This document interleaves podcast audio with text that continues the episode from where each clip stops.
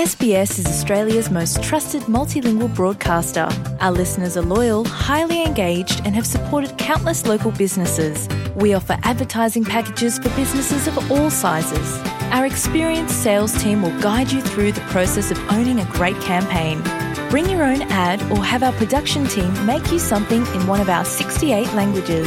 Start the conversation with your new audience today. Email sales at sbs.com.au. Vi ste sa SBS-om na bosanskom jeziku.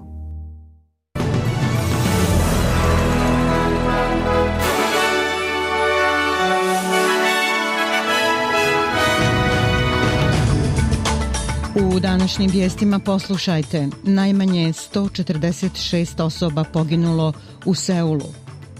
Brazilci su spremni za predsjedničke izbore danas – i u tenisu Daniel Medvedev sa Denisom Šapovalovim u finalu Vijena Opena.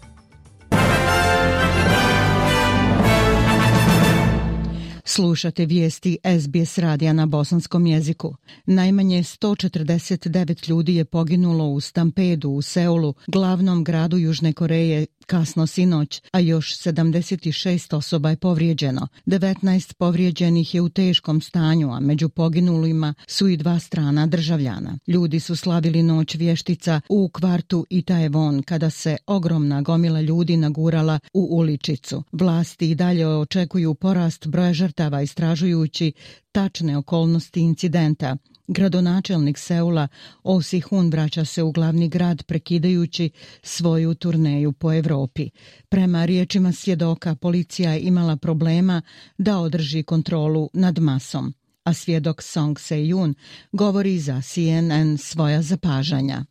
And I saw the people like going to e, vidio sam ljude kako idu na lijevu stranu, a vidio sam i osobu koja ide na suprotnu stranu.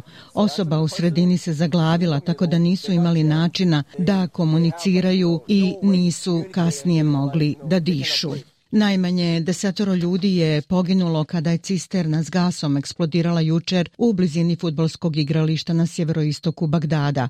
Prema riječima zvaničnika još dvadesetak ljudi je ranjeno nakon eksplozije koja se dogodila u garaži. Većina žrtava bili su amateri koji su igrali futbal na stadionu u susjedstvu. Eksplozija se dogodila dva dana nakon što je irački parlament odobrio novu vladu. Sigurnosni izvori rekli su da je eksplozivna naprava pričvršćena vremena za vozilo detonirala što je dovelo do još jedne eksplozije cisterne za gas koja se nalazila u blizini. Palestinski naoružani napadač ubio je jučer jednu osobu i ranio najmanje tri na ulazu u izraelsko naselje na zapadnoj obali prije nego što ga je ubio stražar. Ubijeni napadač je po riječima Hamasa njihov član. Nasilje na zapadnoj obali i istočnom Jerusalimu traje sedmicama, čineći 2022. godinu najsmrtonosnijom od 2015. godine. Od početka godine ubijeno je više od 120 25 palestinaca. A Brazilci će danas glasati za drugi krug predsjedničkih izbora. Sadašnji predsjednik Bolsonaro će se suočiti s bivšim predsjednikom Luizom Lula da Silvom. Pristalice oba kandidata prodepilovale su jučer glavnim gradom u dijelu završne kampanje. Izbori se smatraju jednim od najvažnijih u historiji zemlje zbog oštrih razlika između dva kandidata. Nekoliko istraživanja javnog mnjenja dan prije izbora pokazalo je da je Bolsonaro stalno smanjivao prednost Lule koji ipak ostaje favorit sa 52% glasova. Gospodin Lula je ostao samouvjeren i rekao svojim pristalicama da i dalje misli da će biti izabran. I believe we are going to win.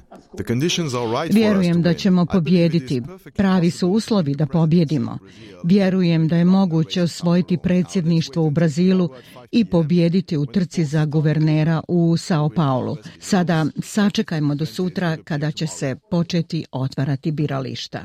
Rusija je suspendovala svoje učešće u dogovoru o izvozu poljoprivrednih proizvoda iz ukrajinskih luka, posebno žitarica. Dogovor uz posredovanje Ujedinjenih naroda bio je tromjesečni sporazum ciljem ublažavanja globalnog pritiska na zalihe žitarica. Rusija je okrivila Ukrajinu za korištenje dronova za napad na brodove svoje crnomorske flote u Sevastopolju na Krimu. Od potpisivanja ugovora 22. jula iz Ukrajine izvezeno nekoliko miliona tona kukuruza, pšenice, proizvoda od suncokreta, ječma, uljene repice i soje. Ukrajinski predsjednik Zelenski optužio je Rusiju da pokušava stvoriti umjetnu glad u Africi, Bliskom istoku i Južnoj Aziji. Šef njegovog kabineta Andrij Jermek optužio je Rusiju za ucjenu, a predsjednik Sjedinjenih američkih država Joe Biden također je izrazio užasnutost.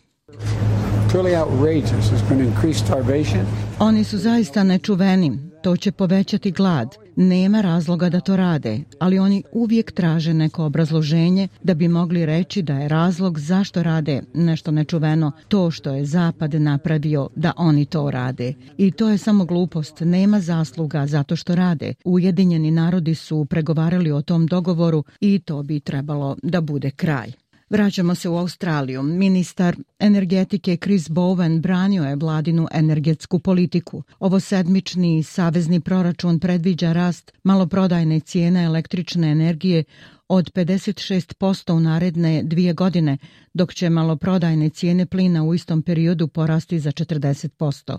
Govoreći jutro za Sky News, gospodin Boven je priznao da zna da će energetska predviđanja dobiti veliku pažnju nakon objavljivanja budžeta, pa je ciljao na svog prethodnika. Znali smo da će ovo privući veliku pažnju, ali isto tako znali smo da je to prava stvar, za razliku od mog prethodnika Angusa Taylora koji je znao za povećanje cijena struje za 20% i promijenio zakon nekoliko dana nakon izbora, a ne nekoliko dana prije i to je suštinska razlika. Aktuelnu energetsku krizu nazvao je i najtežom u posljednjih pola vijeka. Mislim da Australci razumiju da su teška vremena na energetskim tržištima širom svijeta. Vidimo neviđeni pritisak na cijene energije. Ne samo da vidimo invaziju na Ukrajinu, vidimo kako se ukrajinski rat nastavlja, što se odražava na cijene energije. I ovo je najveća energetska kriza bez presedana od 1970-ih. Rezervna banka Australije ponovo će biti u centru pažnje naredne sedmice kada će vjerovatno ostvariti sedmo uzastopno povećanje kamatnih stopa na dan Melbourne kupa. Od maja Centralna banka ubrzano pooštrava kamatne stope sa rekordno niskih nivoa kako bi vratila inflaciju pod kontrolu. Ovo je dovelo do porasta mjesečne otplate hipoteka za domaćinstva na stambenim kreditima s promjenljivom kamatnom stopom.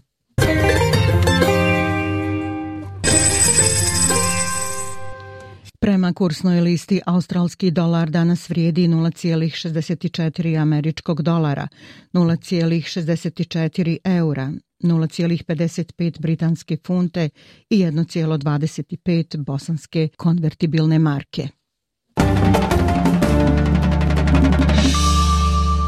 I vijesti sporta u tenisu, Daniel Medvedev će se u finalu Vijena Opena suočiti sa kanadskim igračem Denisom Šapovalovim.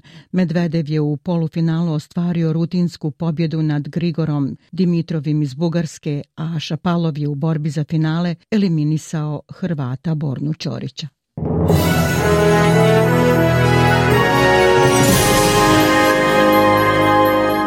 I za kraj vijesti poslušajte temperaturne vrijednosti za veće gradove u Australiji. U Pertu 18, Adelaidu 25, u Melbourneu 21, u Hobartu oblačno 18, u Kamberi 20, u Sidneju uglavnom sunčano 23, u Brisbaneu 31 i u Darwinu uglavnom sunčano 35 stepeni.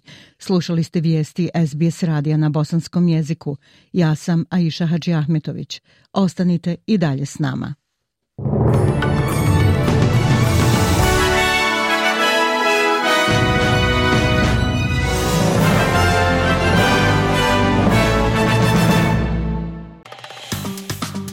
Like, share, comment. Pratite SBS Bosnian na Facebooku.